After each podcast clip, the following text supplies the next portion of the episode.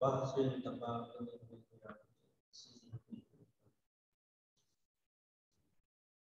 මම මේ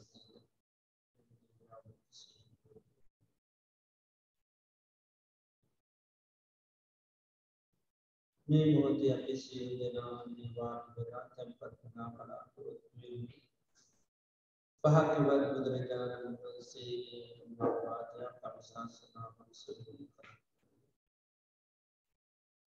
භාග්‍යවත් බුදුරජාණන් වහන්සේ දේශනා කළ තුන්මා මේ ලෝකයේ සම්මා සම්බුදුරජාණන් වහන්සේ නමක් පහළ වෙන්නේ තාමත් කලාතුරකින් ඒ වගේම උන්වහන්සේ දේශනා කරන ලද ධර්මයේ පවතින්නේ තාමත් කලාතුරකින් ඒ වගේ මෙම ධර්මය නිවැරදිව දේශනා කරන අය පහළ වෙන්නේ තාමත්ම කලාතුරකින් ඒ වගේ මෙම ධර්මය සෙවනය කරලා තේරුම් අරන් අනුකූලව කටයුතු කරන අය පහළ වෙන්නේ තාමත්ම කලාතුරකින්. මේ ලෝකයේ මේ දුර්ලභ කාරණා අපේ ජීවිතවලට සමුඛ වෙලා තිබෙනවා. භාග්‍යවත් බුදුරජාණන් වහන්සේ මේ ලෝකයට පහළ වුණා. උන්වහන්සේ දේශනා කරපු ඒ උතුම් සීල් සද්ධර්මය මේ පිට පවතින අවධියකදී අපි මනුෂ්‍ය ජීවිතයක් ලබලා උතුම් කල්යාණ මිත්‍ර ඇසුරු තුලින් එම ධර්මය ශ්‍රවණය කරලා තේරුම් අරගෙන ඊට අනුකූලව කටයුතු කරන්න අප භාග්‍ය වාසනාව දාලා තුමිනු. අපේ ජීවිතවලට මේ ලැබගත්තේ මේ දුර්ලභ අවස්ථාවේ මොහොතේ ප්‍රතිභාවය අපිට තව කොතෙක් කාලයක් පවත්වන්න පුළුවන්ද කියන කාරණය කාටවත් කියන්න හේතුව අපේ ජීවිතේ తాවකාලිකයි. බුදුරජාණන් වහන්සේ ජීවිතය උපමා කරන්නේ හරියට තනාගතයන පිළිමිදක් වදේ තනාගතයන පිළිමිද ඕනම මොහොතක පිට පතකවෙන්න පුළුවන්. කිසිම හයක් අත්‍යයන්නයි අපේ ජීවිතත් එහෙමයි. ඕනම දවස ඕනම මුහතක ජීවිතය මරණයට පත්වෙන පුළුවන් කිසිම හයක් අත්‍යයන්නයි එවගේම ජීවිතය හයට කඳුමුදනති දලන ගංගාවක් වගේ. අනමුදනින් ගලන ගංගාව හැමමුහතේ පහරට ගලාගෙන ගංගාව කිසි මොහොතක් නතර වෙන්නේ ජීවිතයත් එහෙමයි. උපන් දවසේ ඉඳලා ජීවිතේ වේගයෙන් මරණය කරා ගලාගෙන කිසිම දවසක් මොහොතක් නතර වෙන්නේ නැහැ.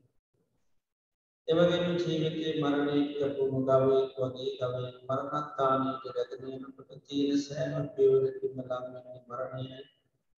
ජීවිතයත් එහෙමයි මේ ගෙවන හැම දවසක් පාසාම පැයක් විනාඩයක් තත්පරයක් පාසාම ජීවිතය පියමන්නගන්නේ මරණයටයි.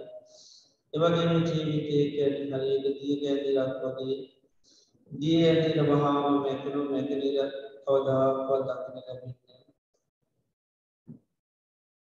ජීවිතයත් එහෙමයි. යම් මොහොතකදී මේ ජීවිතේ මරණය මෙකී යනවා. ඒ මරණය මෙකී යන ජීවිතයේ අපිට කවදාවත් දකින්න ලැබෙන්නේ මේ විදිහට ගත්තාම ජීවිතයේ කිසිම හයියක් අත්‍යක් නැති වේගේ මරණය කරා යන මරණය කරා මේ මන්නක මරණය මෙකී යන ජීවිතයක්. මරණය අපිට නොයේ හේතුන්ගෙන් සිදු වෙන්නට පුළුවන්. අපි කනබුන ආහාර පාන බැරි වෙලාවක් වසක් කුසක් වුණොත් මැරෙන්න පුළුවන් සත සර්පේ දෂ්ටකුත් මැරෙන්න පුළුවන් මනුෂ්‍ය අමනුෂ්‍ය කරදරවලින් ලක්නොත් වාත පිටසම තුන්දස් කිපුණොත් මැරෙන්න පුළුවන්. පරිහරණය කර නොයේ දේවල් නොකරගෙන මරණයට පත් වෙන්න පුළුවන් ඒ වගේම බාහිර ඇතුළෙන ගම්වතුර නායන් සුදුසුකම් වැනි බාහිර පත් මුල් කරගෙන වසංගත රෝග මුල් කරගෙන හිත කලකෝලා මුල් කරගෙන ජීවිතේ මරණයට පත්වෙන්න පුළුවන්. එනිසා ජීවිතය කැනෙ තාම කාලකයි මරණය කැනටේ කාන්තම සිද්ධ වෙන දෙයක්. ඒ නිසා මේ ගත කරන්න අපේ ජීවිතය අවසාන කාලය පුළුවන්. අවසාන දින කීපේ සති කීපේ මාසවල පුළුවන්. සමහරලාට අවසාන දවසවලටත් පුළුවන්. ලෝතුරා බුදු කෙනෙකුගේ ධර්මයක් හැමදාම අහන්නට මේ මොහොතේ භාග්‍ය වාසනාව දාලා තියෙනවා. අපේ මනස බාහිර අරමුණු වලට යන්නදී මේ දේශනීය කරුණු දෙසවා මෙහෙම කරගෙන මම මේ ධර්මය අවබෝධ කරගන්නවාය කියලා දැඩි මානසිකත්වයක් ඇති කරගෙන අපේ භාග්‍යවත් බුදුරජාණන් වහන්සේගේ මවවාදය අනුශාසනාව සේනී කිරීම සඳහා කවුරු සාධකාරණය නමෝතස්ස භගවතු වරහතු සම්මා සම්බුද්දස්ස නමෝතස්ස භගවතු වරහතු සම්මා සම්බුද්දස්ස. නමෝතස්ස භගවතු වරහතු සම්මා සම්බුද්දස්ස.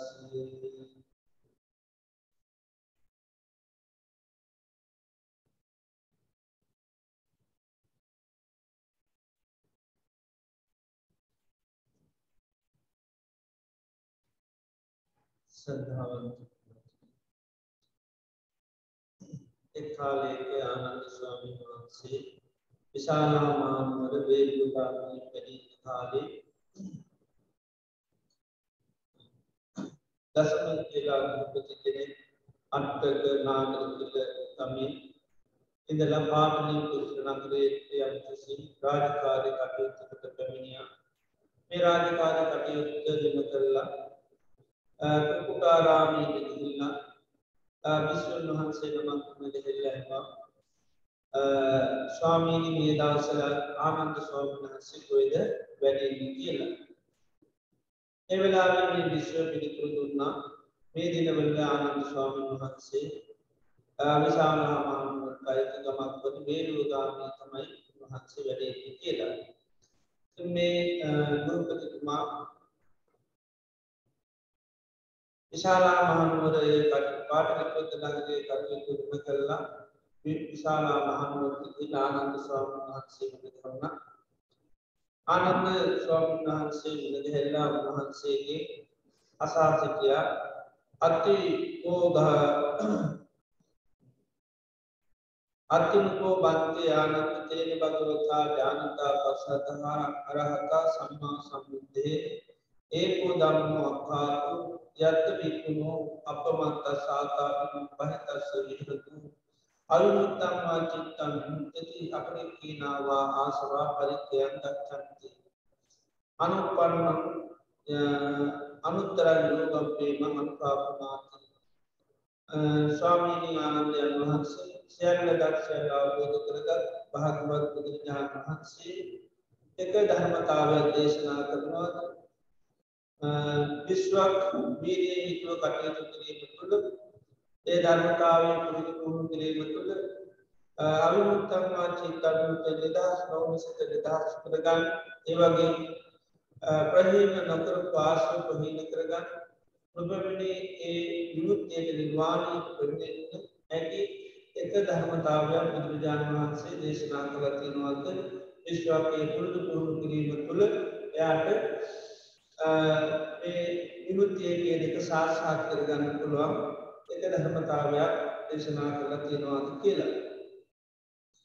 එවෙලාවේ ආනන්ද ස්වාමීන් වහන්සේ දේශනා කළා භාගවත් බුදුරජාණන් වහන්සේ දේශනා කරලා තියෙන විශ්වක් යම් එක ධර්මතාවයක් දිනු කරොත් ඒ ධර්මතාවය පුරුදු පුහුණු කිරීම තුළ නිදහස් නොවන හිත නිදහස් කරගන්න ඒ වගේම ප්‍රහීන නොකර වාර්ෂ ප්‍රහීන කරගන්න උපමිනේ ඒ විමුක්තියට අනුතර විමුක්තියට පත්වෙන්න හැකියාව තියෙන. තුන්වහන්සේ දේශනා කරා එවලාවෙන් ගෘහපති මහම ස්වාමීන් කතේ එක ධර්මය කියලා. එවලාව ආමට ස්වාමීන් වහන්සේ දේශනා කරනවා ඉද ගහපති පිටු විවිච්චේව කාමයහි විවිච්චේව අකුසලේ ගම්මෙහි සවිතක්කල් සංචාර විවේකජම් පීතිසුකම් පටමජ්‍යාන උප සම්පජ්‍ය විහිදතිති.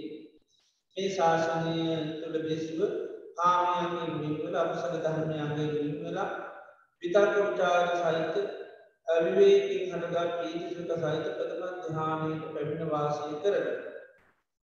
්‍යාමේ විදිට ප්‍රථම ධ්‍යානයට පැමිණියාට පස්සේ සෝ ඉති පට සංචීකති ඒ ප්‍රථම ධ්‍යානයේ ලැබුණාට පස්සේ යා මේ විදිහට කල්පනා කරනවා ඉදම්පකෝ පටමජ්ජානම් මේ පදමත් දිහානත් අභිසංකතන් අභිසංචේතන් මේකත් අභිසංකතන් කරනක විශේෂයෙන් සකස්වෙච්චි දෙයක්. අපි සංචේතන චේතනාවත් සකස්වෙච්චි දෙයක්. යම්කෝපට තිංචි අභිසංකතන් අභිසංක යමක් සකස් වෙනවද? ඒවගේ චේතනාත්මක සකස් වෙනවාද? තදනිච්චන්කයක අනිත්‍යයයි. තාන් විරෝධ දම්මම් ඒවගේ නැති වෙලායවා කියලා ඒ විදිහට කජානාතිකන අවබෝධ කරගන්න. එතකොට එනි ප්‍රථම ධ්‍යානයේ ලැබුණාට පස්සේ ඒ ප්‍රථම ධ්‍යානය අවබෝධ කරගන්න ප්‍රථම ධ්‍යානය කියන්නේ මොකද? සකස් වෙච්ච දෙයක්. විශේෂයෙන් සකස් වෙච්ච දෙයක්. මේ යම සකස් වුණොත් ඒ සකස් වෙච්ච දේ මොකද්ද? යම සකස් වුණොත් නම් නිරෝධ ධම්ම නැති තද නිත්‍යං තං නිරෝධ අනිත්‍යයි. ඒක නැති නැති වෙලා යනවා මේ විදිහට අර ප්‍රථම ධ්‍යානයට ලැබුණාට පස්සේ ඒක විපස්සනා කරනවා. මේ විදිහට යාමේ ප්‍රථම ධ්‍යානයේ මේ පත්‍රාවනේ විදිහට විපස්සනා කිරීම තුළ යාර පුළුවන් එනවා. ප්‍රහීන නොකරපු ආශ්‍රම ප්‍රහීන කරන්න නිදහස් නොකර ගත්ත හිත නිදහස් කරගන්න අනුත්තර යෝගාශ්‍රමයට පැමිණෙන්න පුළුවන්කම තියෙනවා.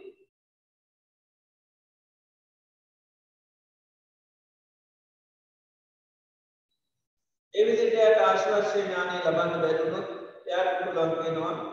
ඒද තේනේ ධම්ම රාගයේ ධම්ම නන්දිය ඒ ප්‍රථම අධ්‍යානයේ තියෙන ඒ අරමුණු කරගෙන ඒ තණ්හාව සයාට ඕරම්භාග සංයෝජන නැති කළා මේ අනාගාම බ්‍රහ්ම ලෝකක උපදින්න පුළුවන් කියලා උන්වහන්සේ දේශනා කරනවා. මේ විදිහට මේ එක ධර්මතාවයක් විශ්වපුරුදු පුහුණු කරොත් ඒ තුළින් යාට පුළුවන් වෙනවා විමුක්තියට නිර්වාණය කියන එක සාක්ෂාත් කරගන්න. ඒ වගේම කෙනෙකුට ධ්‍යාන දෙවෙනි ධ්‍යානයට සම්බන්ධ පස්සේ නැත්නම් දෙවෙනි ධ්‍යානයක් ලැබුවට පස්සේ පුළුවන්. තුන්වෙනි ධ්‍යානය ලැබුවට පස්සේ තියෙනවා. හතරවෙනි ධ්‍යානය ලැබුවට පස්සේ පුළුවන්. උපාවචර ඥාන හතරම සුන් කරගෙන කෙනෙකුට විපස්සනා කරලා විමුක්තිය ලබන්න පුළුවන් කියනවා. ඒ වගේම කෙනෙක් සමානලාට මෛත්‍රියේ දියුණු කරන මෙත්තා සාහිතයන චේෂ ඒකන් නිසන් පරිත්වා විහිරති. සමහරය මෛත්‍රී මුල් කරගෙන එක දිශාවක දිසා දෙනකට මේ විදියට දිසා හයට මෛත්‍රී සිත පතුරවා වාසය කරන යා මෛත්‍රී සිත පතුරවා වාසය කරලයා මෛත්‍රී සිතක් ඇතිකර ගත්තර පසයා මේ විදිට කල්පනා කරන සොයිද පනි සම්පික අයටකෝ මෙත්තා චේතු මුක්ති මේ මෛත්‍රී චේතු මුක්තිය කියන්නේ අභිසංකතම එක සකස් වෙච්ච දෙයක්. අභිසංචේත මේක චේතනාවත් තුළින් හටගත්ත දෙයක්. යන්කෝපනකින්ති අභිසංකතන් අභිසංචේති තන් යමක් සකස් වෙනවාද? තද නිත්‍යන් නිරෝධ ධම්ම. ඒකත් අනිත්‍යයි වෙනස් වෙලා යනවා කියලා ඒ මෛත්‍රී සිතයා ඉදිරි යථා ස්වභාවය බල මේ විදිහට මෛත්‍රී සිත මුල් කරගෙනත් යාට පුළුවන් වෙනවා. ආශ්‍රක්ෂ ඥානි දක්වාම හිත දියුණු කරන්න නැත්නම් මුක්තිය පත්වන්න හැකියාව තියෙන දේශනා කරන සමහරු කරුණා සාගත සිතේ නැත්නම් කරුණා භාවනාව සමහරු මුදිතා භාවනාව සමහරු පිටා භාවනාව මේ සතර බ්‍රහ්ම විහාර වලත් ඒ සතර බ්‍රහ්ම විහාර තුනත් කෙනෙකුට අනුමිතිය සාක්ෂාත් කරගන්න පුළුවන් කර ලැබෙන සමහර අය මේ රූපාවචර දහන ඉක්ම අරූපාවචර දාන දියුණු කරනවා. අරූපාවචර ඥාන දියුණු කරන කෙනෙකුට පුනච පරං ගහපති සබ්බසෝ රූප සංඥාන සමචිත්තම රූප සංඥා ශරීරයෙන් යා නිදහස් වෙනවා. ඉක්මවාගල පටික සංඥාන අත්තංගම එට නාලවනුත් ඉදිරියට අර නානක සංඥාන මනසිකාරු මේ සංඥා මනසිකාර කරන්න නැතුව අනන්තු ආකාශෝති ආකාශ අනත්තයි කියන මේ දී ආකාසානච්ඡායතනයට ප්‍රමිත වාසය කරනවා. ආකාසානන්තනිය ඒ සමාධිය ලබන යාන ආකාසානංචායතන සමාධී ලැබුවට පස්සේ යා ඒකනත් කල්පනා කරපු අයම්කෝ ආකාසානංචායතන සමාපත්මි ආකාසානංචායතන සමාපත්තිය කියන්නේ අභි සංකතම් මේකත් සකස් වෙච්ච දෙයක්. අභි සංචේත මේකත් චේතනාවෙන් සකස් වෙච්ච දෙයක්. යම්කෝ බුද්ධික අභි සංකතම් අභි සංචේතිතං. යමක් විශේෂයෙන් සකස් වනාද තද නිත්‍යන් නිරෝධ ධම්මම් මේකත් අනිත්‍යයි. වෙනස් වෙලා යනවා කියන ඒ විදිහට අවබෝධ කරගන්නවා. ඒ මුල් කරගෙනත් එයාට ආශ්වාසය ළමා කරන්න එක කෙලෙසුන්ගේ නිදහස් වෙච්චි නැති කෙලෙසුන්ගේ නිදහස් කරගන්න විමුක්තිය සාක්ෂාත් කරගන්න පුළුවන් වෙන පෙරුණත් අනාගාමී බ්‍රහ්ම ලෝකෙ උපදින්න හැකියාව තියෙනවා කියනවා. ඒ වගේම කෙනෙකුට විඥාන ඡායතනෙ කරගෙනත් පුළුවන්. තුන්වෙනි අරූප ඥානය තමයි දෙවෙනි අරූප ඥානය තමයි විඥාන ඡායතන. විඥාන ඡායතනෙ ලබාගෙන ඒ තුලත් අර විදිහටම විඥාන ඡායතනේ ඒකත් සංස්කාරයක් ඇති අවබෝධ කර යම සකස් වුණොත් සකස් වෙන දේ එකක්ද ඒක වෙනස් වෙනවා. යමක් ඒ වගේ මේ නැති වෙලා යන මේ විදිහට බලලා යාට ඒ තුලත් විමුක්තියටපත් වෙනවා. ඒ වගේම ආකින්චඤ්ඤායතන කෙනෙක් ලබන ආකින්චඤ්ඤායතන ලැබුවට පස්සේ ඒ තුලත් යාට හැකියාව තියෙනවා කියනවා මේ විමුක්තියට පත් වෙන්න. එතකොට මේ විදිහට අරූප ඥාන තුනක් ඇසුරු කරගෙන පුළුවන් ඒ විදිහට විපස්සනා වඩන්න. හැබැයි හතරවෙනි අරූප ඥානය තුළ ඉඳගෙන විපස්සනා වඩන්න බැහැ. ඒක මොකද? සංඥා ඇත්තේ නැහැ නැත්තේ. ඉතින් සංඥා වේදනා නැතුව මනසිකාර කරන්න බැහැ. මනසිකාර කරන්න නැත්නම් අර විපස්සනා වඩන්න පුළුවන් තමයි. ඒ නිසා ඒවට ගැන සංකාර අවශේෂ සමාපතියේ සමාධී අයින් වෙලා ඇවිල්ලා සාමාන්‍ය ස්වභාවයට ඇවිල්ලා තමයි විපස්සනා කරන්න ඕනේ. ඒ සමාධිය තුළ ඉඳගෙන කරන්න පුළුවන්කම ඒ ඒ නිසා රූප ඥාන හතරේම ඉඳගෙන විපස්සනා කරන්න බෑ තුනක් විතරයි. ආකාසානංචායතන තුලත් පුළුවන් විඤ්ඤාණංචායතන තුලත් පුළුවන් ආකින්චඤ්ඤායතන තුලත් පුළුවන් අතර නේව සංඥානා සංඥායතන බෑ සංඥාය වේදිත නිරෝධ සමාපත්තියේදී බෑ. ඒතර අනාගාමී කෙනෙක් සත්තුලක් සංඥාම් වේදී නිරෝධ සමාපatti සමාධි හැබැයි එතන එතන විපස්සනා කරන්න බෑ. එයා ඒකෙන් අයින් වෙලා තමයි විපස්සනා කරන්නේ. ඉතින් මේ විදිහට ආනන්ද ස්වාමීන් වහන්සේ මේ බුදුතුමාට දේශනා කරා. ඉතින් මේ විලාවේ බුදුතුමා මතක් කරනවා සේයතාපි ආනන්ද පුරුෂෝ ඒකන් නිදිමුකම් ගවේෂන්තු ඒකස නිදිමුකාම ඇතිගත්තේ ස්වාමිනි මනුෂයෙන් ප්‍රහෝලන නිදහනයක් කරාග ඉති මෙයාගේ නිධානයක් කරන කියල කාගකරහම මේ පලාද නිධානයක්හෙම තියෙනවාද හයානය එක නිධානය. හැබැයි පස් පෙන නිධාන එකොළහක්ම පෙන්න්න ඒවගේම කෙනෙක් ක්‍රියක්කතු ලිවී අතරමන් ඉතින් ඒ ඇතුට ලිල්ලා අතුමන්නාට පස්සේ යහම මොහතර තුළත්තිනවද එලියට යන ඉතින් අහන් එක තුරයි ඉල්වද තුරවල් එකොළහක්ම පෙන්නවා කියන. ඒවගේම ආනන්ද ස්වාමන්හන්සලට ඇවිල්ලා නිවන් දකිට එකතුවාල ඒම දරුට හැබැයි එකොළහක්ම දේශනා කරා තිඟේලා වහන්සේ මතක් කරනවා මේ අන්‍ය තීර්ථක අයගදීනවා චාරිත්‍රයක් කොන හරි තමන් ප්‍රපදේශයක් මුතුගේලුවොත් තරේවී ඒ අය යම් පූජාවක් දෙන්නවා. ඉති මමත් කැමති ආනන්ද ස්වාමීන් වහන්සේ වගේ මට මේ දේශන කරපු දේ නිසා ආ යම් පූජාවක් කරන්න කියලා. පාර්තියමුත නගරයට සිරු විසුන් වහන්සලා රැස් කළ දානය තියෙන ආනන්ද ස්වාමීන් වහන්සේට තුන් සිරුරේ පූජ කරලා ඒ වගේම අනිකුත් සංඝයාට චීවර පූජාවක් කරලා පසු කාලීනව විහාර පාශීලක් දසන ගුරුපතුමා බුද ශාසනය වෙනුවෙන් පූජා කරනවා. එතොට අපි ඒගෙන ගත්ත මේ සමත පුබ්බංග විපස්සනා විපස්සනා පුබ්බංගම සමත යුගනන්ත කියලා. කෙනෙකුට සමත භාවනාව වඩලා ඊට පස්සේ විපස්සනා වඩන්න පුළුවන්. තව කෙනෙකුට විපස්සනා වඩලා පසුව සමත භාවනාව වඩන්න පුළුවන්. ඊට පස්සේ නැත්නම් යුගනන්ත වශයෙන් යුගනන්ත කියන්නේ එකට කරන්න පුළුවන්. එක මොහොතේ ඒ මොහොතම සමාධිය වඩනවා. ඒ මොහොතේ විපස්සනා වඩන්න පුළුවන්. ඉතින් මේක මේ දේශනේ තුලින් තමයි දේශනා කරන්නේ. නිසා කෙනෙකුට සමාධිය කෙරුවට පස්සේ සමාධිය විපස්සනා වඩන්න පුළුවන්. ඒත් සමාධිය විපස්සනා කරන මම ඊයේ මතක් කරා. සමාධිය ඇති කරගන්න මුල්නුණු නිමිත්ත නෙවෙයි විපස්සනා කරන්නේ. ඒ ඇති වූ සමාධිය තමයි විපස්සනා කරන්න. සමාධී වඩ ආනාපාන සතිය බුදු මන ආනාපාන සතිය පසනා කරන්නේ. ආනාපාන සතිය තුළ නැතිවුණු සමාධී තුළේ පශනා කරන්න. මේගෙත් ඒකයි එ පලවෙනි ධ්‍යානයට සමනාගේ ධ්‍යාන සිත තමයි සම්පයක් විපසනා කරන්න. තර පලවෙනි ධ්‍යානයට පත්තරේ පලවෙනි ධ්‍යානයට විපසනා කරන්න පුළන් දෙවනි ධ්‍යානයක් පුළ තුනි ධ්‍යානයක් පුළන් හදන ධ්‍යානයක් පුළ ඒවගේ මේක පෙන්ම මෛත්‍රියයට හිත පත්තුර මෛත්‍රියත් සිතත් පුළුවන්. කරුණා සාහිත සිතත් පුළුවන්. ඊළඟට මුදිතා සහගත සිතක් පුළුවන්.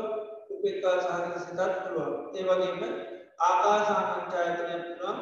විඤ්ඥානංචායතනය පුළුවන් ආකංචඥායතනය පුළුවන්.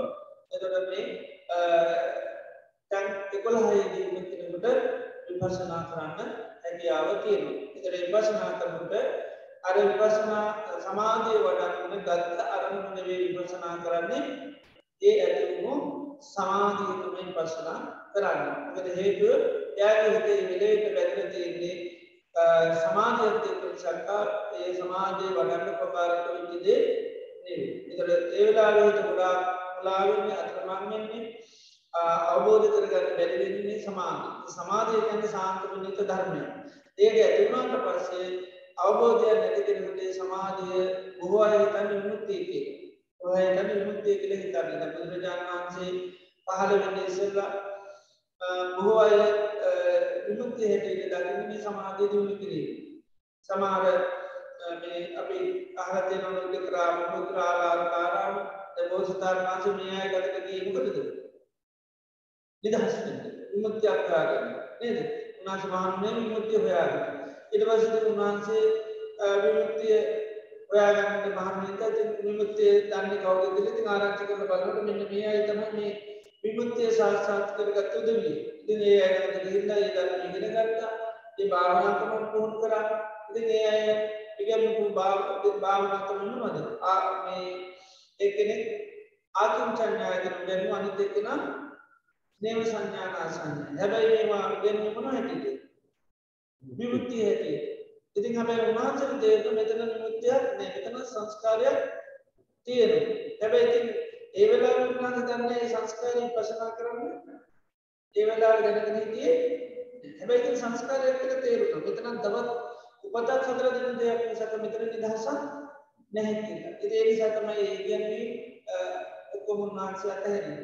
උන්වහන්සේ ඉතාලි මේවා ඒ තත්ත්වෙට පත් වෙන්න පුළුවන්. දැන් උද්දකරාම පුත්‍ර කියන උගන්වන්න පුළුවන් මිත්‍රයා ඒ තත්ත්වෙට ඇත්තට මේ වෙලාවේ පත් වෙච්ච කෙනෙක් නෙවෙයි. හැබැයි තාත්තා තමයි භාවනා මාර්ගය හොයාගෙන තාත තමයි ගෙන්නේ තාත නැතිවුණ ඉතින් ඊට පස්සේ එයා තමයි ප්‍රධානය වුණේ.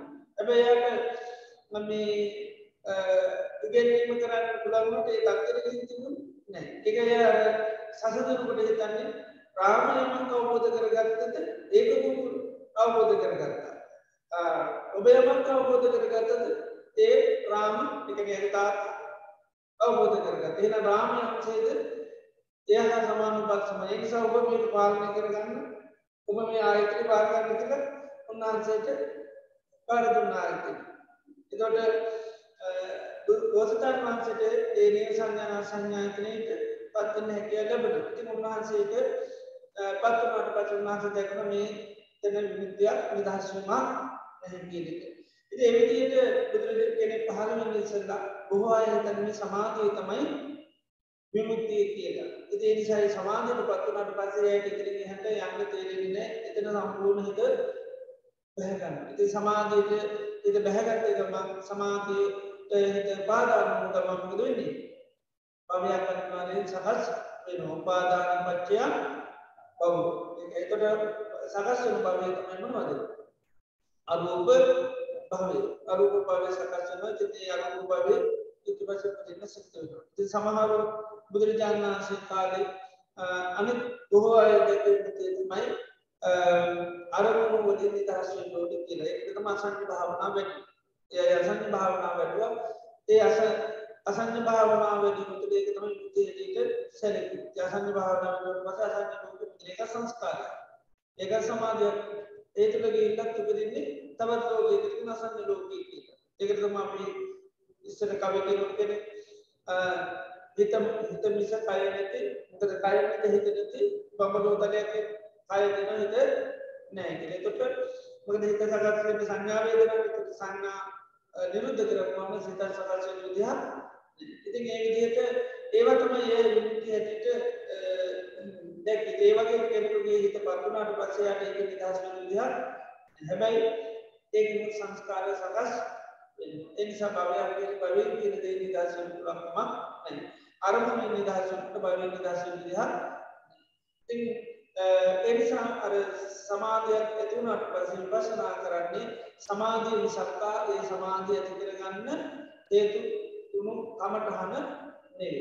ඒ නිසා සමාධිය තුළ යාට ගැලවෙන්න ඕනේ නිදහස් වෙන්න අවබෝධ කරගන්න ඕනේ. ඒ සමාධිය හිත මිසක්ක නැත්නම් සමාධිය මිසක්කා අනිත් ධර්ම නැත්නම් සමාධිය ඇති කරගන්න ප්‍රකාර වෙච්ච කමටහන නෙවෙයි. ඒ නිසා මේකෙත් ඒකයි ගන්නන්නේ සමාධයක් කෙනෙක් ඇතුනාට පස්සේ ඒ සමාධිය අවබෝධ කරගන්නවා සංස්කාරයක් ඇටි සමාධීන්ට සකස්වීම. එතුර යම සකස් වුණු ඒ ස්වභාවතම යම සකස්ම අපිටන උපාද වයදන්න දෙයක් සකස් වුණත් ඒකද වෙන්නේ? නැතුනට කනපිට සංකත. සකස් වුණ සකත සංකත ලක්න තමයි උපාදූ පඥායකේ වයූපඥායකේ අපි සංස්කාර අනිත්‍යය වෙන අනිච්චාවත සංකාර සංස්කාර අනිත්‍යය එයි. උපාද වෛරම්මනෝ හටගැනීමක් තියෙනවා නැතිවීමක් තියෙනවා. එතරේ සමාධයා දකින මේක සකස්වීම මේක සකස්වීමන් නමකද මේක? අන අනිත්‍යයි මේක වෙනස් වෙනවා. ඒවගේ නිරෝධ දම්නම් මේක නැතිවෙලා යන්න ඒ විදියට අර හටගත්ත සමාධය තමයි නැතන්නේ මත සකස් කරතින සමාධිය. ඒක මම මගේ මට ඇති කියලා බලා කරන්න නැතුව ඒක සංස්කාරයක් ඇතුළ අවබෝධ කරගෙන එයා ඒක සකස් වෙච්ච දෙයක් හැටියට ගන්න නිසා මේක සකස් වුණා නම් අනිවාර්යයෙන් මේකත් වෙනස් වෙනවා මේක නැති වෙලා යනවා. ඒ විදිහට තමයි යා විපස්සනා කරන්නේ. ඒ විදිහට ලැබපු ඒ පළවෙනි ධ්‍යානයක් පුළුවන් දෙවෙනි ධ්‍යානයක් පුළුවන් තුන්වෙනි ධ්‍යානයක් පුළුවන් හතරවෙනි ධ්‍යානයක් පුළුවන්. ඒ වගේම සතර බ්‍රහ්ම විහාර වඩනවන සතර බ්‍රහ්ම විහාරත් එවිදි පුළුවන්. ඒ වගේ මරූප ජාති තුනක්ම ඇසුරු කරගෙන පුළුවන්. ඒ විදිහට ඒ ධ්‍යානයේ සංස්කාරයක් හැටියට දැකලා ඒ විදිහට විපස්සනා කරන්නත් පුළුවන්. ඒ වගේ බුදුරජාණන් වහන්සේ ධ්‍යාන නිසිත සූත්‍රයෙන් දේශනා කරනවා. පටමම් භික්කවේ ඥානං නිශ්චාය ආශවානං කයං වදාන මහණනි පළවෙනි ධ්‍යානය ඇසුරු කරගෙන ආශ්වාසය ලබන්න පුළුවන්. තුතියම් භික්කවේ ඥානං නිශ්චාය ආශවානං කයං වදාන දෙවෙනි ධ්‍යානය ඇසුරු කරගෙන ආශ්වාසය ඥානය ලබන්න පුළුවන්. තුන්වෙනි ධ්‍යානය පුළුවන්. හතරවෙනි ධ්‍යානය පුළුවන්. ඒ වගේ මාගාසානංචායතන තුළත් විඤ්ඥානංචායතන තුළත් ආකිච්චඥායතනය තුළත් ආකින්චඥායතනම් භික්කේ ජානන් නිච්චා ආශවානං කයං වදාන ඉ ආකංචායන ආයතනේ ඇසරු කරගෙනත් කෙනෙකුට අන්න ආශවර්ශය ඥාන ලබන්න පුළක් එතරත් නේව සංඥාන අංචඥායතනය ගැර කියන්න නේව සංඥාන ආසඥාතර පික්වේ ජානන්න සය ආසමානක් අයන් වදාටිය දේශන කරන්න ඒදයි ඒ තුළ ඉදගෙන අන්න කෙනෙකුට විපසනා වඩන්න හැකියාවක් නැමද සංඥා වේදනා මනස්කාරමව ක්‍රියාත්මක වෙන්නේ ඒවා.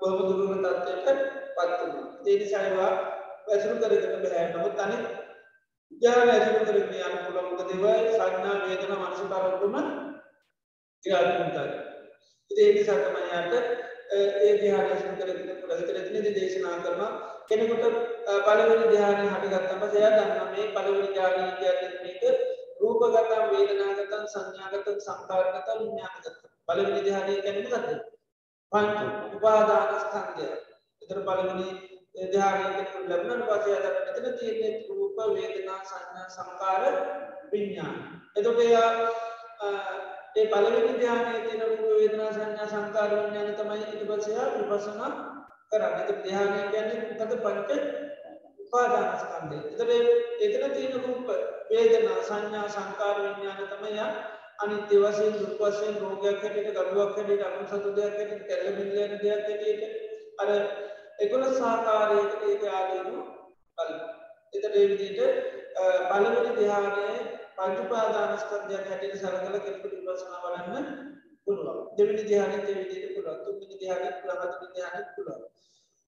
ඒ වගේම ආකාසානංචායතන අරුප ඥාන වලට විඥානංචායතන අකිච්ඡඥායතන මේක වලට හැබැයි එතන රූපයේ ආදීන බලන්න යන්නේ හේතුමකද කල්ලතුව රූපය. ආදීනුව සලකර රූපේ ආන විදිලති රූප අරමුණු කරන්න බෑ එනි සරමුණු කරන්න බැරිත රූපය ආදීන විලාර කරන්නේ එතන බලන්න වද වේදනාගතන් සංඥාගතන් සංකාරගතන් විඤ්ඥානගතන් එතට යා මේ අරූප ජානය කියලයා දක්ව මෙතන තියෙන වේදනා සංඥා සංකාර විඤ්ඥා එද රූපාදානස්කන්ද හතර රූපය අරමුණු වෙන්නේ ඇමද රූපේ තොරෝට දැ ඇති කරගති එතේ නිසා යා රූපයේ ආගම බලන්න ඒවෙලා වැන්න අර අනිකුට ස්කන්ධ හතර ආගම බලනවා.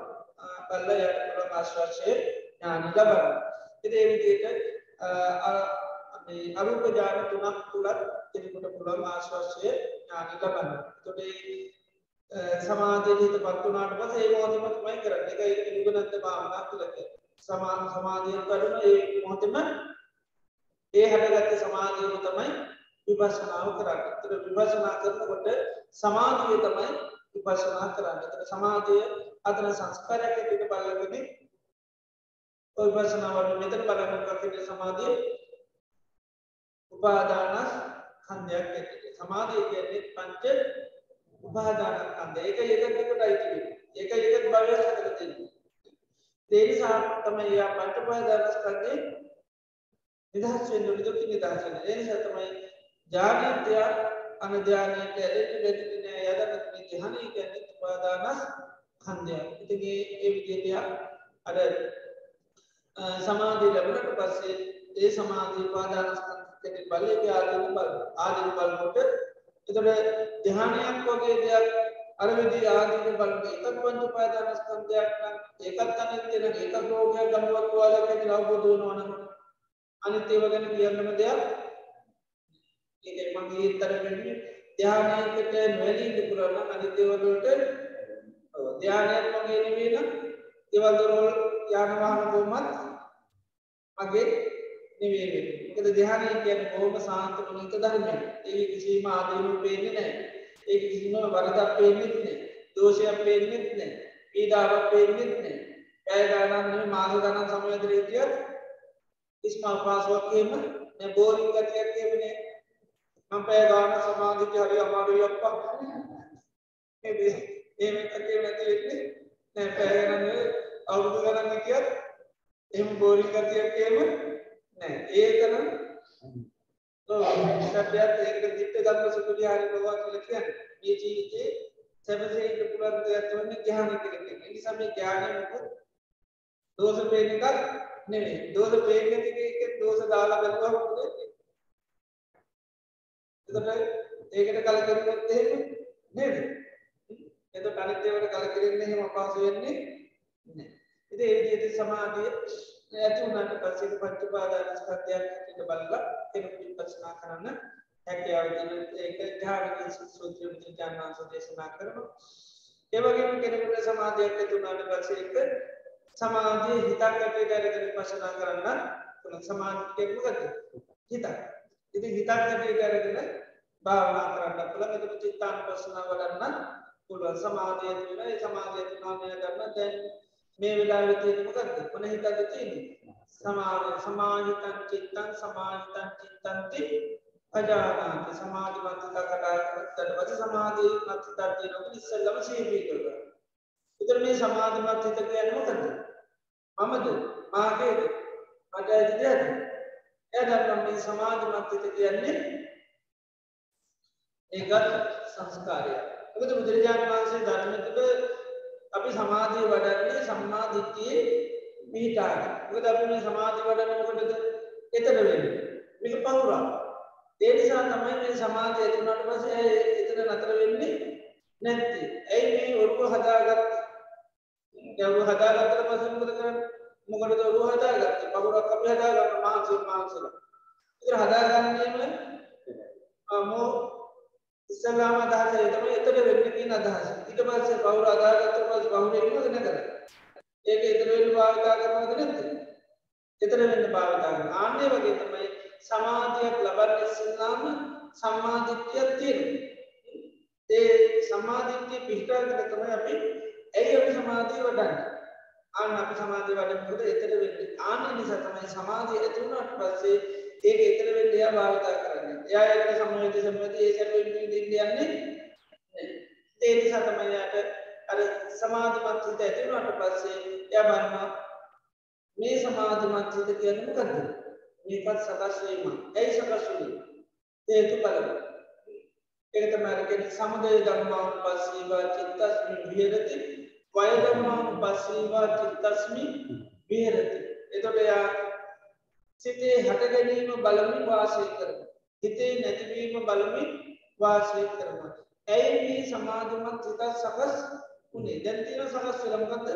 සමාධිය. එතකොට මේ සකස් වෙලා තියෙන දේ මම කියලා ගන්නෙත් මගේ කියලා ගන්නෙත් නිත්‍යයි කියලා ගන්නෙත් සුඛයි කියලා ගන්නෙත් එයා දන්න මේක මොකද්ද? මේක සකස් වීම. එතකොට ඇයි මේ සමාධිය සකස් උන්නේ? ඉතින් අය ඒ වෙලාවේ හේතු බලන්න. හේතු බලනකොට යට හේතු පේන මොකද හේතුව? නාම රූප නිසා තමයි මේ සිත සකස් උනේ. එතකොට නාම රූප යත්තා සකස් වෙනවාද ඒ තාක්කල් තමයි මේ සිතේ සකස් වෙන්න තියෙන්නේ. එහෙනම් මෙයා ඇවිල්ලා ඉන්නේ මෙයා නිසා. මෙන්න මෙයා නිසා ආපු කෙනෙක් තමයි කවුද? සමාධි. සමාධිය නාම රූප නිසා ආපු කෙනෙක්. ඒ නිසාම සමාධිය හට ගැනීම හේතු පිළිබඳ එතන මේ සමාධි සකස් වෙන ගන්නේ. දැන් සමාධිය තියෙනවා. හැබැයි මේක සකස් වෙච්ච දෙයක්. ඒකට මේක මගේ කරගන්න බෑ. එයි. මේක තවත් හේතුවකින් ඔව් කෙනෙක් ආවොත් එයා මගේ කරගන්න බෑ. එයා රේත් එක්ක ඇවිල්ලා තියෙන්නේ. නේද? ඒ නිසා එයා මගේ නෙවෙයි. ඉතින් ඒ නිසා අපි දන්නේ එයා මේ සමය ඇවිල්ලා ඉන්නේ එයා කියෙත් දෙරිවලා මෙයත් යන ආන්නේ වගේ එයා ඉස්සෙල්ලම බලනවා ඇයි සමාධිය සකස් දැන් තියෙනවා. ඒක මගේද එහෙම බලන්නේ නැතුව ඒක එයා බලනවා. සමාධි හටගත්ත හේතු ඒක තමයි සමුදය. ධම්මාන් පස්සීවා චිත්තස්මින් විහෙරති. සිතේ හට ගැනීම බලනවා දැන් තියෙන හිත මොකද්ද? සමාධි. ඉස්සලම සිතට සිහි පිටු කරනවා සන්තන්වා අජ්ජත්තං සමාධිම සමාහිතං චිත්තං සමාහිතං චිත්තං උපජානාති. සමාධිමත් හිතක් අටගත්ත ඒක සමාධිමත් හිතක් කියලා අවබෝධයක් තියෙනවා. හිත දැනගන්නවා වගේම අවබෝධයකුත් තියෙනවා මේ සමාධිය ගැන මොකද්ද? සංස්කාරය. ආනේ නිසා තමයි ඒ සකස් වුණේ කියලා ඊට පස්සේ හොයන්න. එතන අන්‍යයන් බලනවා මෙන්න මේ නාම රූප හට ගැනීම තුලයි මේ සිත හටගන්නේ. මේක දිගටම වංස්කාර කරද්දී හේතු හේතු පණ ඊළඟට වය ධම්මානුපස්සීවා මේ නාම රූප නැති වුණු දැන් නාම රූප නිසා යාල් නැත්නම් හටගෙන තියෙන්නේ එහෙනම් නාම රූප නැති වුණු ආ එහෙනම් මෙයා නැති වෙලා දැන් දැන් මේ සමාධිත කරට මෙයා කවුද නැති වෙලා යන කෙනෙක් මෙයා නිරුද්ධ වෙලා යන කෙනෙක් එතකොට ඒ විදිහට වය කියන එක නැතිවීමත් බලනවා ඊළඟ මේ දෙක එකටම බලනවා නාම රූප හටගත්තොත් මේ සමාධිය හටගන්නවා නාම රූප නැතිව සමාධිය නැති වෙලා යනවා. දැන් මේ දෙක එකටම බලන්න. ආනෙතර මේ සමාධිය පිළිබඳව පිළිපන මොකද්ද? සීය පිළිපන. අත්ති ධම්මාතුවා අත්ති චිත්තන්තුවා පරස සතිපට්ඨිපට්ඨිතා වූති. සමාධිය කියන්නේ මොකද්ද? සිත. සමාධිය කියන්නේ සිත. දැන් ඒක නෑ කියනවද? නැත්නම් අත්ති චිත්තන්තුවා පරස සතිපට්ඨිපට්ඨිතා හිතක් නෑ. නේද? දෙකේම නෙවෙයි කියන්නේ මොකද්ද? අත්ති චිත්තං දිවාපන සිත සිතක් කියන්නේ මොකද? සකස් වීම. දැන් සකස් වීමක් තියෙනවා නෑ කියන්න පුළුවන්ද? බෑ. ඒ නිසා නත්ති චිත්තං නෙවෙයි කියන්නේ අත්ති චිත්තං දිවා පනස්ස සතිපට්ඨිපට්ඨිත ඔය ඇසිහි පිටන හිත පිළිබඳ හිත පිළිබඳ සිත මොකද? මේ හිත කියන්නේ සංස්කාරය. ඒ සකස් වීම කියලා දැන් හේතු බැලුවනේ. මෙන්න මේ හේතු නිසා මේ දේ හටගත්තා. මේ හේතු නැතුණු මේක ඒක මේ කියන්නේ මොකද අනිත්‍යයි මේක වෙනස් වෙනවා කියලා සිහිපේ එතකොට ඒ විදිහට කරනකොට යාවදේ ඥානමත්තයි ප්‍රතිසතම තව දුරටත් ඥානි ලැබෙනවා සිහිය ලැබෙනවා. මොකක් පිළිබඳවද? හිත පිළිබඳව. සමාධිය පිළිබඳව සමාධිමත් හිත පිළිබඳව අනිසිතවච විහෙරති අන්න අර සමාධිය ඇසුරු කරන්නේ නැහැ. අනිත් නිසිත කියන්නේ මොකද්ද? ඇසුරු කරන්නේ. අනිසිත කියන්නේ ඇසුරු කරන්නේ නෑ අනිශ්චිතෝච විහෙරති කියන එකයි ඇසුරු නොකර වාසය මම කියලා ඇසුරු කරන්නේ මගේ කියලා ඇසුරු කරන්නේ මට අයිති කියලා ඇසුරු කරන්නේ නිත්‍යයි කියලා ඇසුරු කරන්නේ සුඛයි කියලා ඇසුරු කරන්නේ ආත්මයි කියලා ඇසුරු කරන්න ඇසුරු කරන්න බෑ. ඇයි? ඒකේ හට ගැනීමක් පේනවා නැතිවීමකුත් පේනවා. එතන ඒක හටගන්න තියෙනවා ඒ වගේම නැති වෙනවා. ඉතින් ඒ නිසා හටගෙන තියෙන වෙලාවෙ මෙයා මගේ කියලා ගන්නත් බෑ. මට අයිති කියලා ගන්නත් බෑ. මෙයා තියෙන්නේ කියලා ගන්නත් බෑ. මෙයා කොයි වෙලේ නැති වේද දන්නේ. මොකද අර තවත් කෙනෙක් එක්ක ආපුගෙන එයා මම කියලා ගන්නත් මගේ කියලා ගන්නත් බෑ. එහෙම අසුර කරන්න බෑ. ඉතින් ඔය නම් පොඩ්ඩක් කතා කර කර ඉන්න පුළුවන්. හැබැයි කොයි වෙලේ එයා ඉඳ ගන්නෙ එතන ඉන්න කෙනා මම මගේ මට අයිති කියලා අසුර කරන්න යන්නේ නෑ. හොඳට සිහියෙන් ඉන්න මෙයා කොයි වෙලේද අර අර ගහපුවම මෙයා කියලා. ඉතින් ගියාට පස්සේ අඩන්න ගොඩට යන්නේ නැහැ. මොකද එයා මාගේ නෙවෙයි. අනේ වගේ තමයි සමාධිය තියෙනකොට සමාධිය පිළිබඳව අනිශ්චිතෝච විහෙරිත කියන්නේ. සමාධිය සකස් වෙලා තියෙනවා. සමාධිය කොහොම සබ ස්වභාවයක් තියෙන සාංශ ස්වභාවයක් දෙන්නවා. ඒ වුණාට මෙයා මාගේ නෙවෙයි. මෙයා අයිති කාටද? නාම රූප වලට. නාම රූප තියෙනකම් තමයි මෙයා ඉන්නේ. නාම රූප නැති වුණොත් මෙයා නැති වෙනවා. නාම රූප වලින් ප්‍රධාන දෙයක් තමයි මනසි කාර්ය. නාම ධර්ම තමයි රූප සතර මහා ධාතු ඊළඟට වේදනා සංඥා චේතනා පස්ස මනසිකාරය. එතන ප්‍රධාන එකක් තමයි මොකද්ද? මනසිකාරය. අපිට සමාධියක් ඇති වෙන්නේ මොකෙන්ද? මනසිකාරය. මනසිකාරය නැති වුණොත් සමාධිය නැති වෙනවා. දැන් සමාධිය භාවනා කරනකොට සමාධිය තියෙනවද නැති තියෙනවද? ඇයි ආ දැන් මනස්කාර කරන්නේ නැහැ. මොකද මනස්කාර කරන්නේ නැත්තේ? නිමිත්ත. අපි භාවනාවට ගන්න නිමිත්ත. ඒකට තමයි කමඨහන කියන්නේ. ඒ කමඨහන සතර මහා ධාතු හටගත්ත දෙයක් නේද? එහෙම නැති වෙන දෙයක් ගන්නවද? සතර මහා ධාතුන්ගේ හටගත්ත දෙයක්. ඒ හටගත්ත දේ අපි මනස්කාර කරන මෙතන මෙදීමක් තියෙනවා සංඥා තියෙනවා ස්පර්ශය තියෙනවා ළඟට චේතනා තියෙනවා ඒක තමයි තියෙන්නේ ඊට පස්සේ ඒකට තමයි නිමිත්ත කියලා කියන නැත්නම් කමඨාන ආන්නේ කමඨාන මොකද කරන්න ඕනේ? මනසේ කාය ඉතින් ඔය ඔක්කොම තමයි අපිට නාම රූප. ඔය නාම රූප තුලින් තමයි සමාධිය සකස් වෙන්නේ. ඒ සමාධිය කියලා කිව්වොත් ඒක ඇතුලේ තියෙන්නේ මොනවද? අපි කියන සමාධිමත් හිත කියලා. ඒතර ඒක මොකද සමාධිය කියන්නේ සකස් වීම. එතකොට මොනවද සකස් වෙලා තියෙන්නේ? සතර මහා ධාතුන්ගේ හටගත්ත දෙයක් විඳීමක්. ඒ වගේම සංඥාවක් ඊළඟට පස්සයක් සහ චේතනා සහ මනසි කාය. එතකොට කෙටියෙන් ගත්තොත් අරමුණක් මනසිකාර කිරීම තමයි නාම රූප කියන්නේ. ඒ දෙකේ එකතුව නිසා තමයි දැන් හිතේ තියෙන මොකද්ද? සකස් වෙලා තියෙනවා සමාධිය. ඒක සකස් වීම. ඒ සකස් වීම තියෙන්නේ අර නිමිත්ත මනසිකාර කරනකම් විතරයි. නිමිත්ත මනසිකාර කරනකොට සමාධිය දුරුද වෙන්නේ. ඒක නැති වෙලා යනවා. ඇයි නැති වුනේ? සකස් වෙච්ච දෙයක් නිසා. හැබැයි ඉතින් සකස් වෙලා තියෙන වෙලාවක අපි දන්නේ ඒක සකස් වුණා. ඒ සකස් වෙච්ච දෙයක් ගමන් කාගේද ඒක? මගේ අපිට මගේ හිත තැම්පත් වුණා, මගේ හිත සමාධිගත වුණා. දැන් මට හොඳ සමාධිමත් දැක්කලා දැන් මම බය ටික දවසක් කරනකොට මොකද වෙන්නේ? ආයෙ නැති වෙලා එතකොට ඉස්සර නම් අනේ මට සමාධිය තිබුණා දැන් ඒක නෑ නේද? ඒක කාටද මම දැන් නැතිලා තියෙන්නේ? මගේ දැන් දුක නැද්ද? ඔව් කියන්නේ උනට සතිපට්ඨාන වඩනකොට කොහොමද? දුක්ඛ දෝමනස්සහන තත්තංගමයි දුක් දුම්නස් නැති කරගන්න දැන් මොකක්ද කියලා තියෙන්නේ?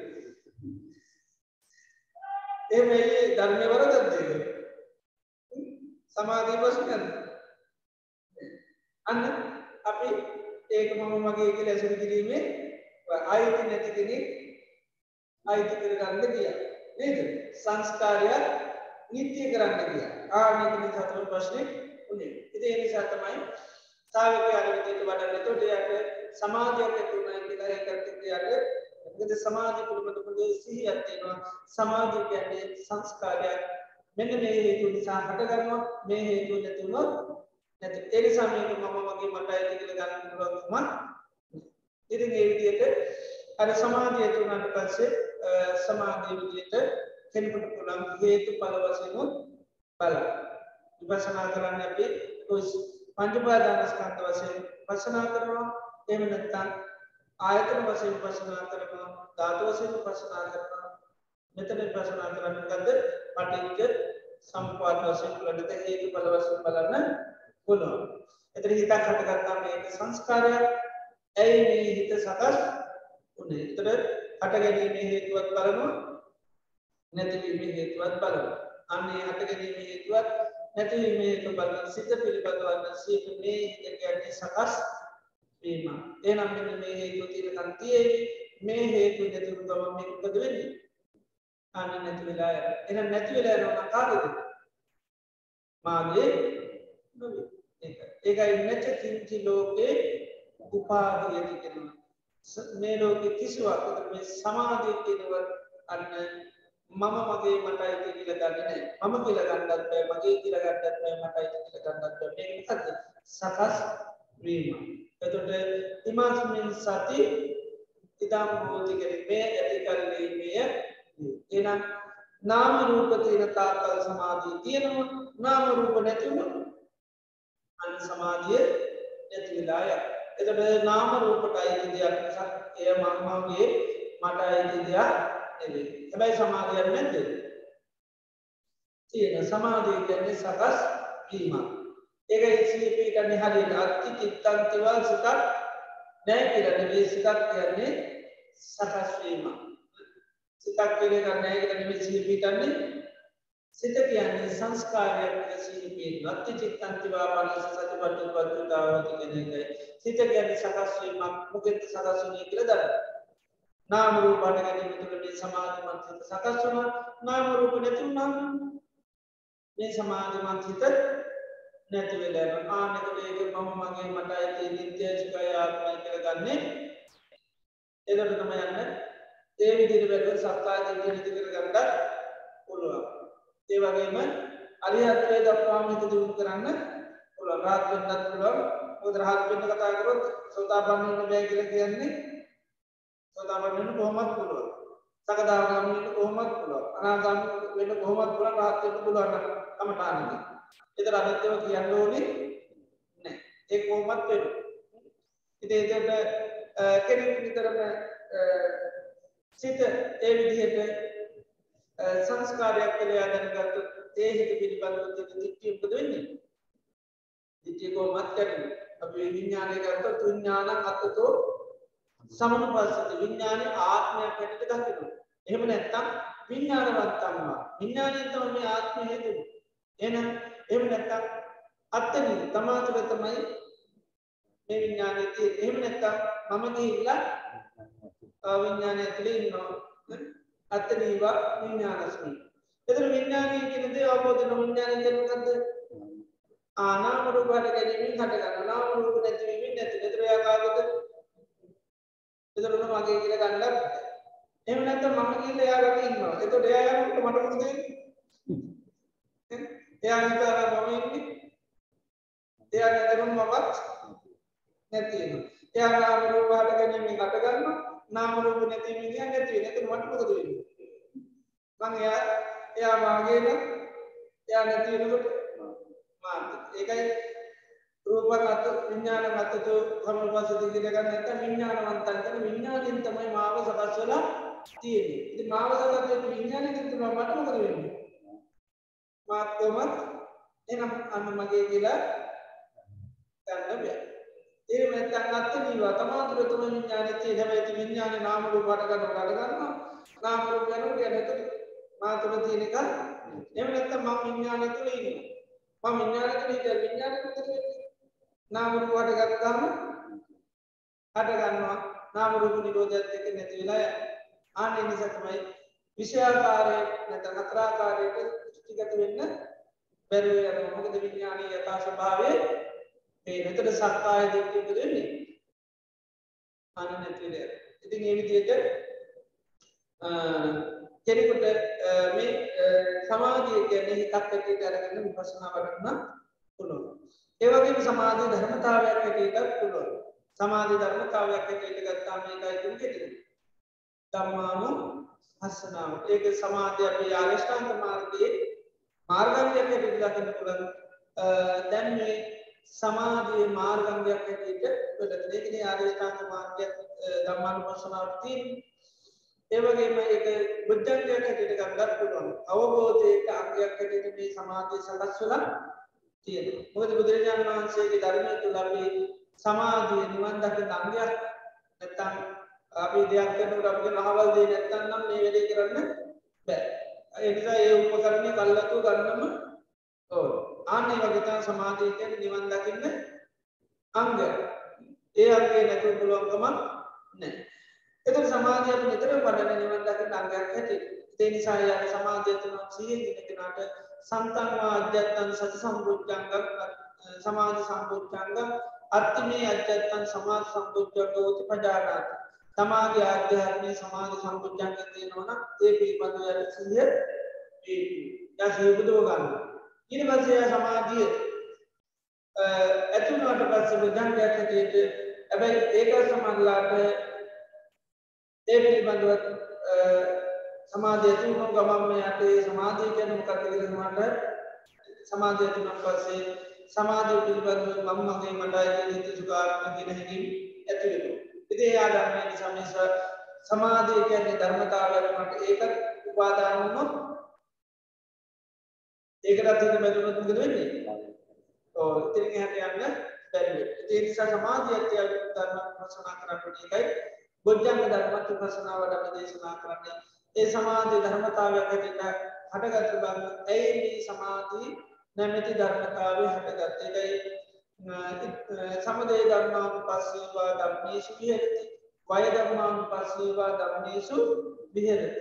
එතට සමාධිය බොජ්ජංගයක් කටත් ඒකත්කත සංස් කාරය එක සකස්වීම ධර්මතාවය තමයි. හැබැයි ඒක ඒක සංස්කාරයකට ඇතිද සංකත ධර්මය.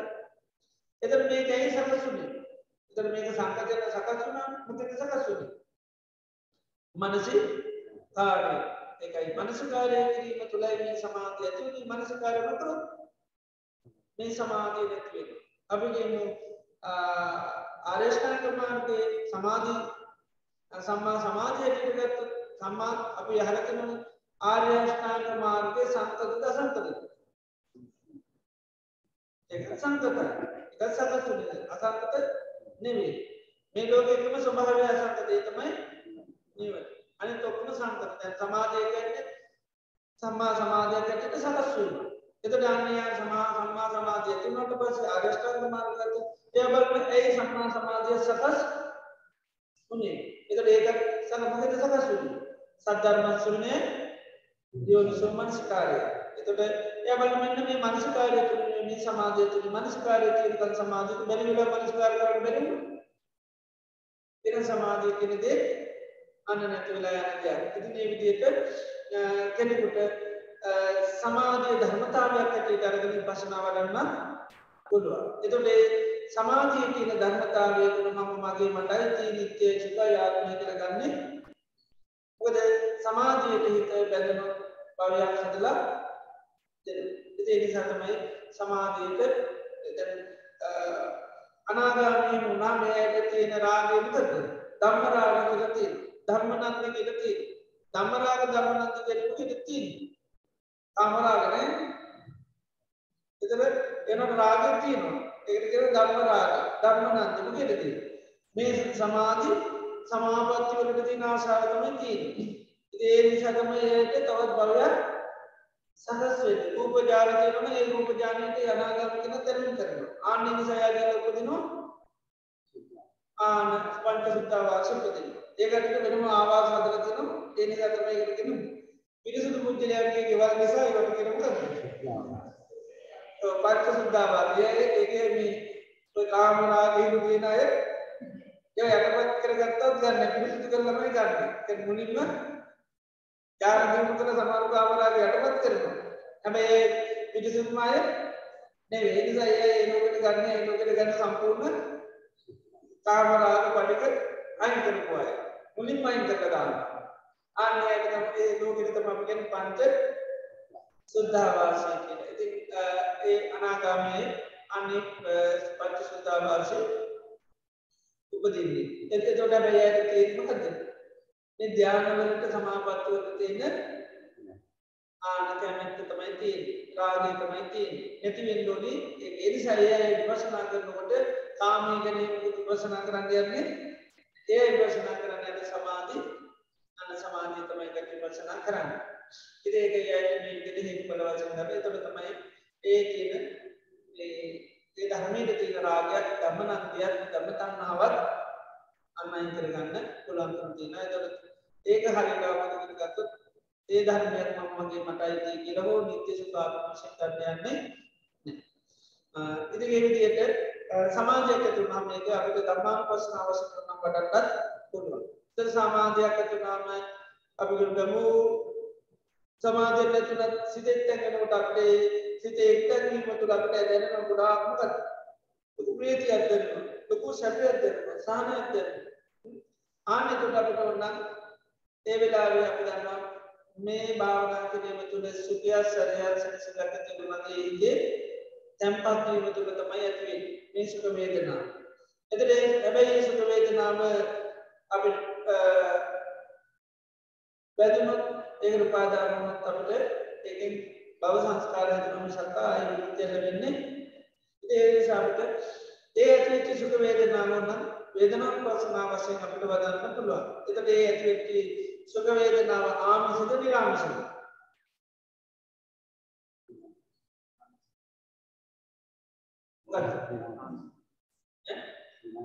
නිරාමිෂ නේද? මොකද ආමිෂය මුල් කරගෙන නේ නිරාමිෂ සුඛ වේදනාව. භාවනා කිරීම තුළ ඇති වෙන්නේ නිරාමිෂ සුඛ වේදනාව. අපි කියමු අපි වැඩුවක් කියලා කාගානුසති පරිත්‍යාග චේතනාව ගැන සිහිපත් කරන. ඒකට ලොකු ප්‍රීතියක් ඇති වෙන හිතට. එතකොට ඒ ප්‍රීතිය මොකද? නිරාමිෂයි. මොකද අතහැරීම දෙයක් වෙන්නේ දැන් සිහි කරේ. ඊළඟට අපි සීලය ගැන ආවර්ජන කරමු. එතකොට විතර වෙනවා ප්‍රීතිය. ඒක ඕ ප්‍රීතියටපත් වෙනවා. එතකොට එතන තියෙන වේදනාව මොකද්ද? නිරාමිෂ සුඛ වේදනාව. ඒ වගේ බුදුරජාණන් වහන්සේ දුක සිහි කරනවා. ඒ තුල ලොකු ප්‍රීතියක් හිතට ඇති වෙනවා. එතන ඒ ප්‍රීතිය මොකද්ද? නිරාමිෂ සුඛ වේදනාව. ඒ විදිහට අපි අර භාවනා කරනකොට මොනවාරි අරමුණක් කරන් ඒ අරමුණත් එක්ක අපි වෙනකොට අර ප්‍රීතිය ගොඩාක් ඇති වෙන්න පුළුවන්. ප්‍රීතිය ගොඩාක් ප්‍රකට වෙන්න පුළුවන්. ආනේ ප්‍රීතිය ඒකට අපිට පුළුවන් ඒ ප්‍රීතියම බුද්ධ විඳ ඒක කකා ඉන්නේ නැතුව ඔව් ඒක අපිට පුළුවන් නිවනට මඟ කරගන්න. නිවනට මාර්ගය කරගන්න පුළුවන්. එතකොට ඒක අපි වේදනානුපස්සනාව වශයෙන් නම් සුඛ වේදනාවක් ඇටියට ඇත ප්‍රීතියට ධම්මතාවයක් ඇටියට අරගෙන ධම්මානුපස්සනාව වඩන්නත් පුළුවන්.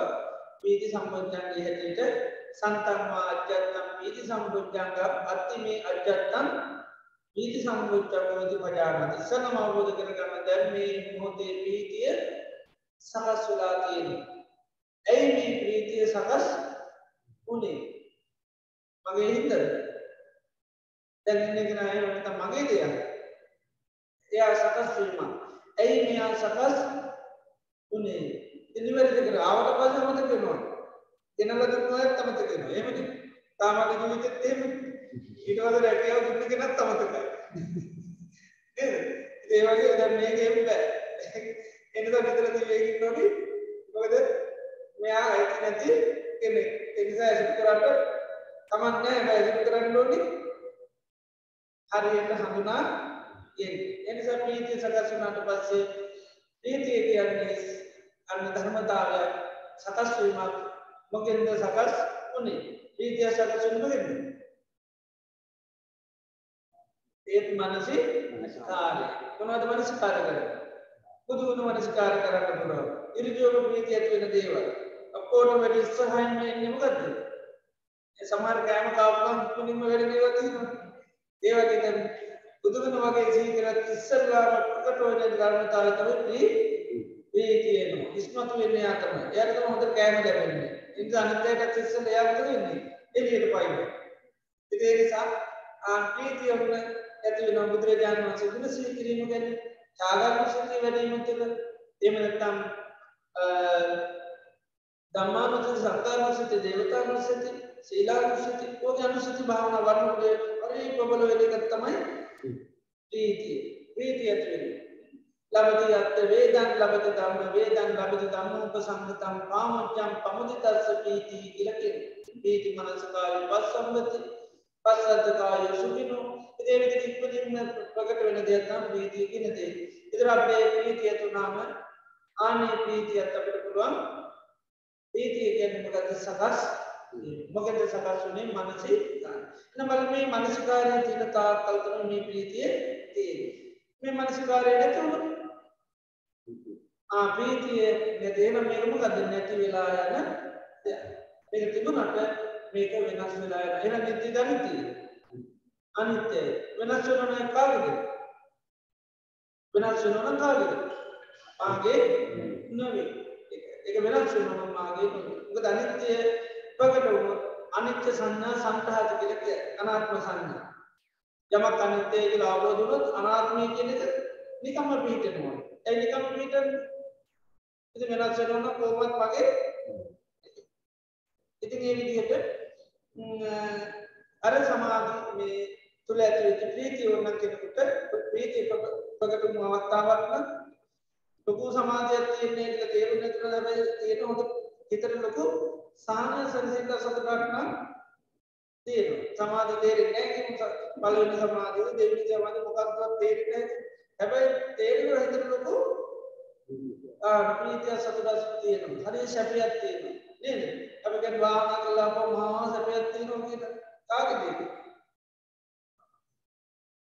එක සකස්වීම හැබැයි තුක ඇතුට පස්සේ එක මගේ වෙන එක වෙනවා. නේද? ආවට පස්සේ කොහොමද ගැවිලෙන්නේ මගේ හිතට කොහොමද එයාට මගේ තමයි. ඉතින් ඒක තමයි ඒ ප්‍රීතිය කියන දේ. නැත්නම් ඒක අවබෝධ කරගන්න නැත්නම් ටික දවසක් කරනකොට ඒ ප්‍රීතිය නැතිනම් පස්සේ මොකද වෙන්නේ? ආයෙ දුක දුන්නස ඇති වෙන්නේ එහෙම නැත්නම් ආයෙ භාවනා කරන අර ප්‍රීතිය ගන්න එතකොට ගිය රිට්‍රීට් එකකට මට හොඳ ප්‍රීතියක් තිබුණා. මේ රිට්‍රීට් එකෙත් ඒක ගන්න ඕනේ. මගේ දෙයක් ගන්න කැමතිද? ඉන්නේ නැති වෙනකොට දුකයි. මගේ තිබුණු ප්‍රීතිය ආවම ගන්න ඕනේ. ඒ මගේ හිතේ ප්‍රීතිය තිබුණේ නේද? ඒ නිසා මම කොහොමද ආයෙ මගේ හිතේ තිබුණ ඒ ප්‍රීතිය ගන්න. ඒක ගන්න දෙන්නේ නැහැ යා. මොකද එයා සංස්කාරයන්නේ. එදා සකස්ුනේ ඉතින් එදා හරියට මනස්කාර වුණා. එයා සකස් වුණා. අද මනස්කාර වෙන්නේ මොකද්ද? මගේ පීතිය ගන්න. එතකොට මොකද? පීතිය කොහොමද දෙන්නේ? දෙන්න. ඉතින් එහෙම වෙන්න යන්න අතහැරලා අද භාවනා කරන්න ගත්තනම් එයා එදා ආවා. හරියට සායාව යනකොටම ගියා. ආයෙ ගෙන්න ගන්න නම් ඉස්සෙල්ලම ගෙන්නන්න ඕනේ කවුද? මානසි කාර්ය. එයා ගෙන්නුත් අර එයි. ඒ නිසා අපිට කරන්න තියෙන්නේ මොකද්ද? ආ මානසිකාරය ගෙන්නන්න ඕනේ. මානසිකාරය ක්‍රියාත්මක කරන්න ඕනේ. එතකොට පීතිය කොහොමද? එන්නේ. හැබැයි මනස්කාරය විදිහට වෙන්න ඕන. එහෙම නොවි භාගයක් කරගෙන යනකොට ආයෙ යාගන්න කිව්වොත් නේද? එයා එනකොටම ආ අදත් දිනවා යා කියලා මනස්කාරය නතර කරලා අර යන්න යනවා. ඒක මොකද වෙන්නේ? එයා කොහොමද යන්නේ? නේද? ඒ නිසා එයා තියාගන්න නම් දිගටම කරන්න ඕනේ දේ මොකද්ද? එයා පැත්තකින් ඉඳලා මනස්කාර කරන්න ඒක පීති පරිසංවේති අස්ව සිස්සාමීති සික්කති පස්ස සිස්සාමීති සික්කති පීතිය සකස්රතින එහෙම තියෙන්ට මොකද කරන්නේ ආශ්වාස කරනවා ප්‍රශ්වාස කර ඉති ඒක මනස්කාරය මිතමර ප්‍රීති තියෙනවන තිය ඉති මෙයා මනසකාරන වරය කොමත් තියෙන්නේ ඉතින් ඒ විදියට විපස්සනා කරනකොට එතකොට නම් ප්‍රීතිය අරගෙන විපස්සනා කරන්න පුළුවන්. ඒක භාවනා කරනකොට ඉතින් අපිට බොහොම පහසුවෙන්ම ගන්න පුළුවන් එකක් තමයි සමාධියක් ඇති වුණාම ප්‍රීතිය කියන දේ දැනෙනවා. ඉතින් ඒකට අපි බලන්නේ සමාධියේ තියෙන ස්වභාවය තමයි ප්‍රීතිය කියන්නේ. නේද? අපි සමාධිය තෝරන වෙන විතක්ක විචාර ප්‍රීති සුඛ ඒකාග්‍රත ජනිත ඔක්කොම නැතුණා දැනෙනවා ප්‍රීතිය තියෙනවා. නේද ප්‍රීතිය සකස් කරලා තියෙනවා. ආන්නේ ප්‍රීතිය අරගෙන උන ඒකත් විපස්සනා වඩන්න පුළුවන්. නැත්නම් ඒ ඔක්කොම සමවන්න දාලා අපි ඒක ගන්න හිතක් ගන්න මේ වෙලාවේ තියෙන සමාධිමත් හිතක්. ඒක පළවෙනි ධ්‍යානය තෝරගන්න බැරුණා කියලා ලොකු ගැටලුවක් කරගන්න දෙයක්.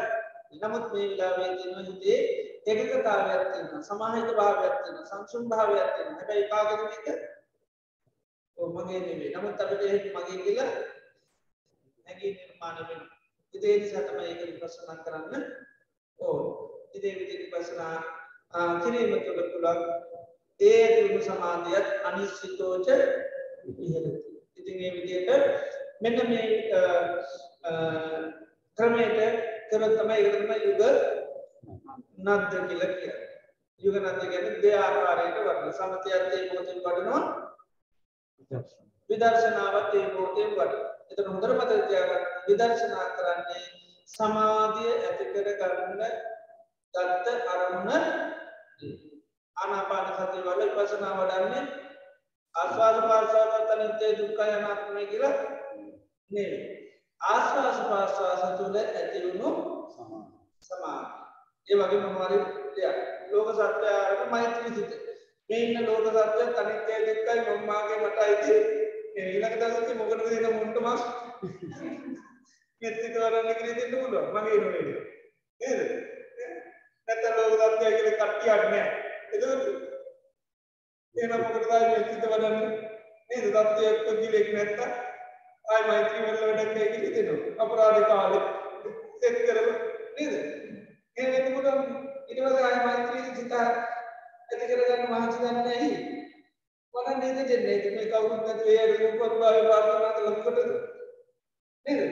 එහෙම වෙන්න පුළුවන් අර විදිහට ඉතින් නේද? මේ මෛත්‍රී කරපු කෙනෙකුත් නැහැ මෛත්‍රී ලැබපු කෙනෙකුත් නැහැ. නේද? එහෙම වෙලොත් මොකද වෙන්නේ? ඊළඟ දවසේ මෛත්‍රී කරන්න තමයි හිත දෙන්නේ. ඒ නිසා අපි මෛත්‍රී භාවනාව වඩලා විපස්සනා වඩන්න අද මෛත්‍රී කර කරපු තමන් හෝ එහෙම නැත්නම් ඒකට ලක් වෙච්ච පුද්ගලයන් විපස්සනාවට ලක් කරන්නේ නැහැ. ඒ නිසා විපස්සනා කරන්නේ මෛත්‍රී සිත. ඒක. මොකද ඒ වෙලාවේ ඇත්තටම ලෝක සත්‍යයත් එක්ක නෙවෙයි ප්‍රශ්නේ තියෙන්නේ. එයයි වෙනුවෙන් කරපු ආශිර්වාදයේ තුල ඇතිවෙච්ච සංස්කාරය තමයි Tamanට කවුලක් වෙන්නේ නැත්නම් Tamanට ප්‍රශ්නයක් වෙන්නේ. ඒකයි සමාධිය සංස්කාරයක් කියලා මෛත්‍රී සිත කියන්නේ සංස්කාරය. ඒක තමයි විපස්සනා කරන්නේ. ඉතින් ඒ නිසා බුදුගුණ වැඩුවත් එහෙමයි බුදුරජාණන් වහන්සේ ගුණ සීකල ඊට පස්සේ බුදුරජාණන් වහන්සේ කියන්නේ මම වගේ මට අයිති කෙනෙක් නෙවෙයි කියලා ඊට පස්සේ මොකද වෙන්නේ? ඊට පස්සේ බුදුරජාණන් වහන්සේ කියන්නේ තියෙන මොකද වෙන්නේ? ගෞරව වෙන්නේ ආනන්ද කියන ඊට පස්සේ තුන්නාගේ ගැනීමකුත් නැති නිතරම බුදුගුණ සීකරනට අර වගේ ගතියක් එන්නේ. ඒ නිසා හොඳට තියාගන්න ප්‍රශ්නා කරන්නේ බුදුරජාණන් වහන්සේ නිමිත්ත කරගත්තට සමාධිත කරගන්න බුදුරජාණන් වහන්සේ හැබැයි විපස්සනාවේදී බුදුරජාණන් වහන්සේ විපස්සනා අරමුණක් ඇතුළත ගන්නේ. අපිට ප්‍රශ්න තියෙන බුදුරජාණන් වහන්සේත් එක්ක නෙවෙයි දැන් මොකක් එක්කද ආ ඒ සාකච්ඡා වෙච්ච සේවක නිදහස් වෙන්න ඕනේ හිතේ. දැන් පදිංචිලා ඉන්න බුදුරජාණන් වහන්සේත් එක්ක නෙවෙයි. ආ ඒ සාකච්ඡා වෙච්ච සිතත් එක්ක. ඒ නිසා බුදුගුණ අනිත්‍ය නෙවෙයි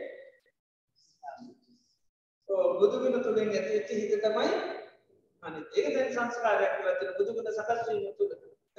ඒ නිසා හරි පැහැදිලිව ඉතින් බුදුරජාණන් වහන්සේ දේශනා කළ තියෙන අපි ක්‍රමයට කරන්න ඕනේ. ඒ නිසා දැන් සමානලාට ඒකයි ඔය බුදුගුණ වර්ණනව දකින්න බෑ.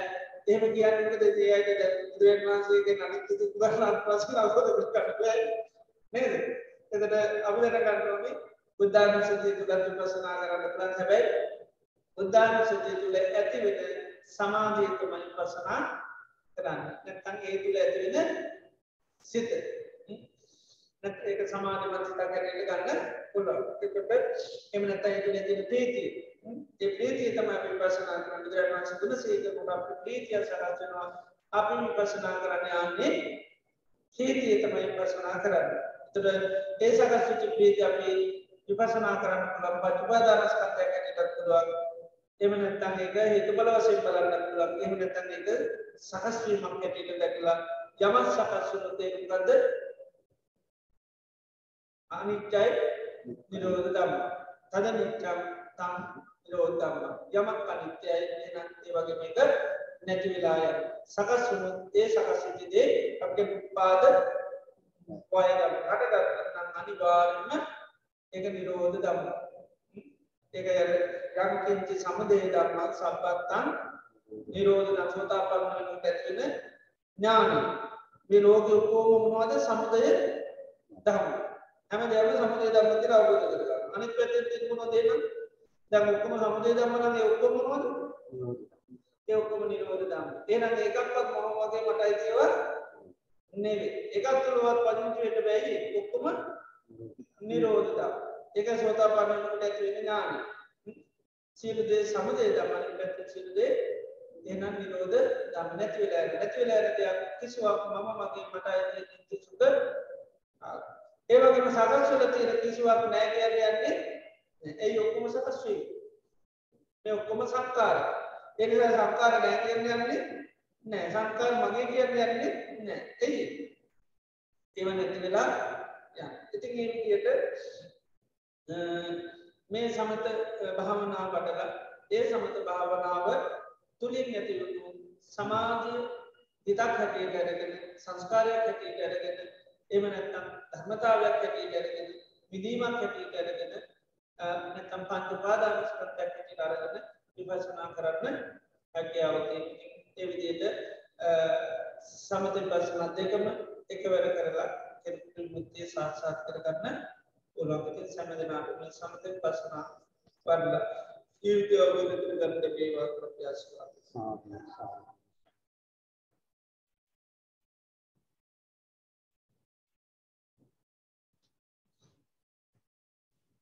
දයද සාමාන්‍යකට අපි මතක් කරේ නිතරම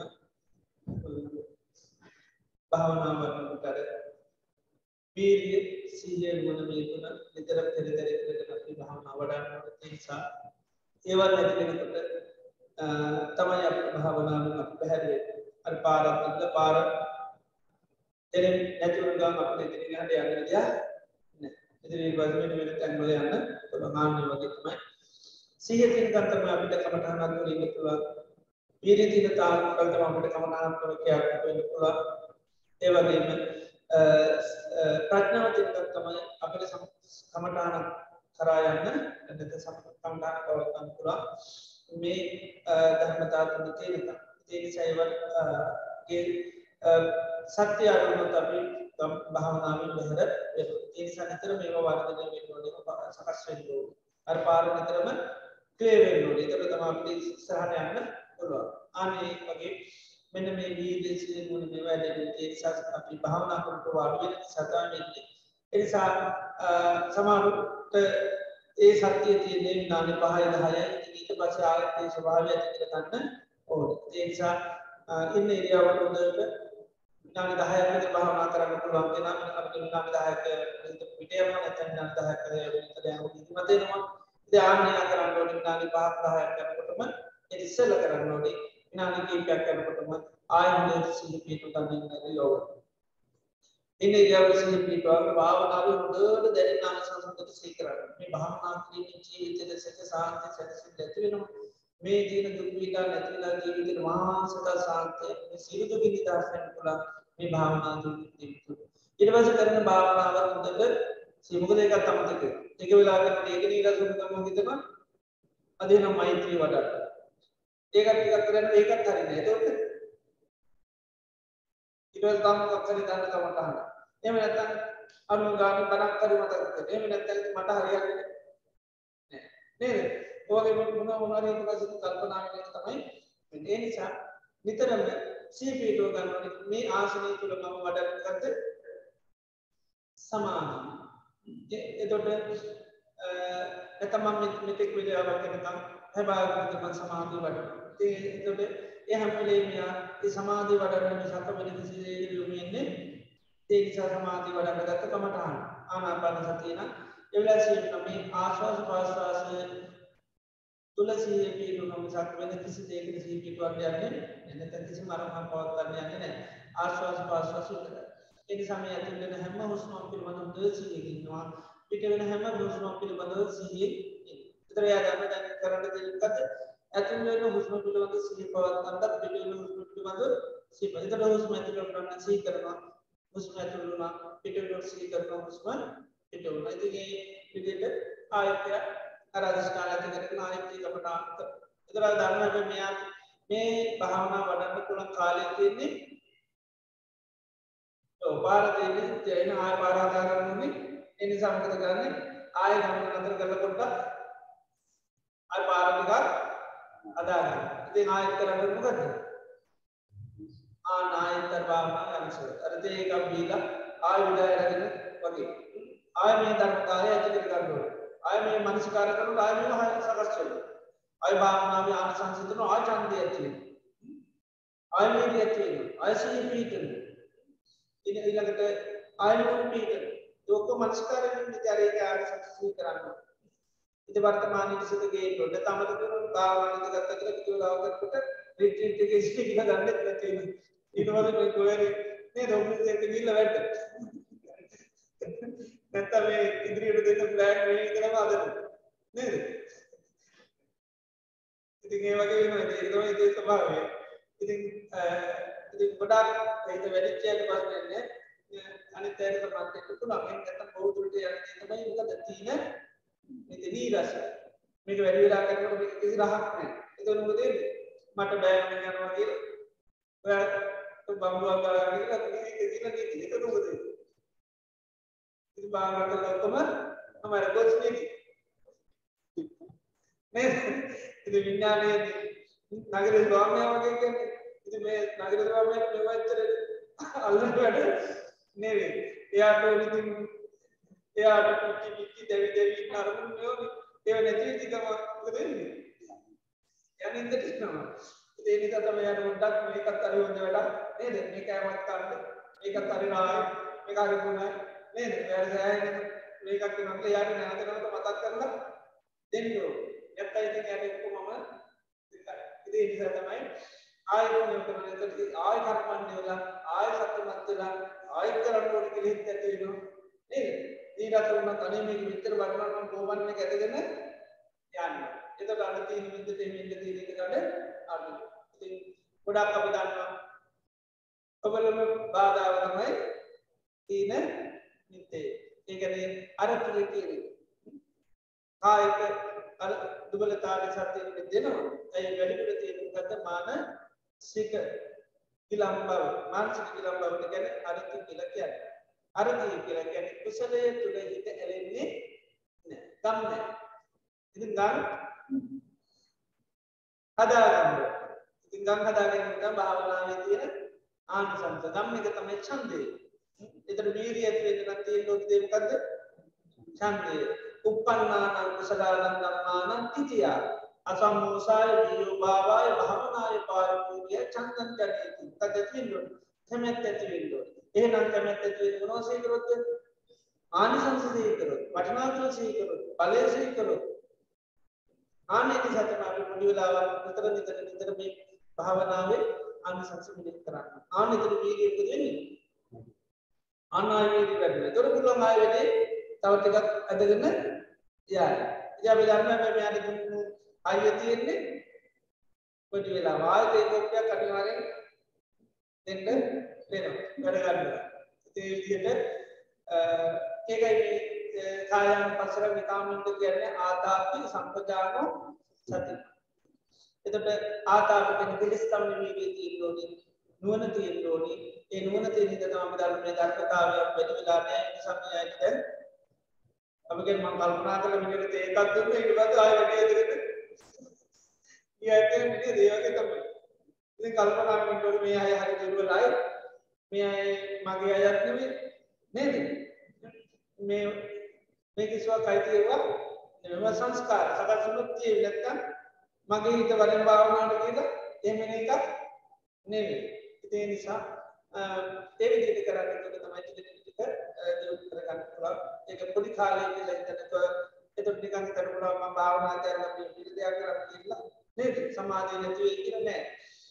ඒ මේ මේ මේ යන්න දෙන්නේ නැතුව මේ අරමුණ තුළ ප්‍රතිදින දිගට පවත්වාගෙන යනකොට තමයි අනිච්ඡාවේ වැඩි වෙනකොට හැම වෙලේම තේ දෙන්න යන්න ඕනේ නැහැ. හැම වෙලේම විරාම දෙන්න ඕනේ නැහැ. නේද? හොඳට පුරුදු නාම මේ පැය භාගයක් වාගේ ඕනේ. එයා ඒකට වැඩි දෙකක් වුණත් ආන්නේ. ඒකත් තමයි විනාඩි 5ක් පාටරි අපි පිටිපස්සේ ඉඳගෙන ආන්න කරන්න ඕනේ. ඊට පස්සේ අවශ්‍යතාවයක් වෙන්නේ නැහැ. ඒ පුහුණු වෙදි තමයි ඒක අවශ්‍ය. පුහුණු කාලය අවසන් වුණාට පස්සේ වැඩේ දෙන්න විතර ඇති ඒකයි තේ දෙන්න ඕනි. ඉතින් ඒ ටික ටික ටික කරන්න. එතොද තමයි භාවනා සාර්ථක කරගන්න පුළුවන්. අපි හිතට ඉරිදින හිත තන් පුඩාකාට ප්‍රශ්න ගත්ත හිත විශ්වාස කරනය මගේ ආවරි භාවනාට කියලා ඉතින් ඒවට යටෙන් හැකීම එයා පදිරටත් නොකිය යගීරලා ඒ නිසා සිහියට දෙනවා. මීරිට දෙනවා. ඒක තමයි භාවනා කරනට මාර්ගය කරගන්න. ඒ පාර හැමරීම පාරතිය පාරමත තමයි යන්න නිසා අපි පාර මොහම් පටු. මෙත පොඩ්ඩ ඇති උතෙන් යන ඉතිරියට පාරණ ඉතින් ඉට පද මෙයා පාරණ ගම යාදාගන්න ඇති නන්නේ අපට මයන කියර යමක යනියම් ඒ නිසා හර විදිරි ටික ටික හිත දුවනය කරන්න. සම කරන්න ඔන්නේ itu ගොඩාක් වේගෙන් දුවනයට විනාඩි 5 10 ඉන්න පුළුවන් කියලා කියනවා. ආන්නේ තමයි මෙතන විතර කරන්න ඕනේ. ඒ වගේම සමහර අය විනාඩි දෙක තුනක් වෙනකොට අපෝ නින්දට යනවා.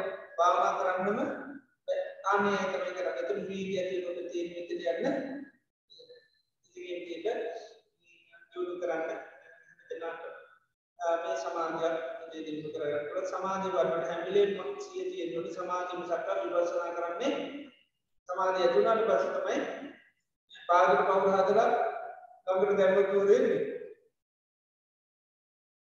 පවුරත් තමනුත් නැති වෙනවා. ඒ වගේ.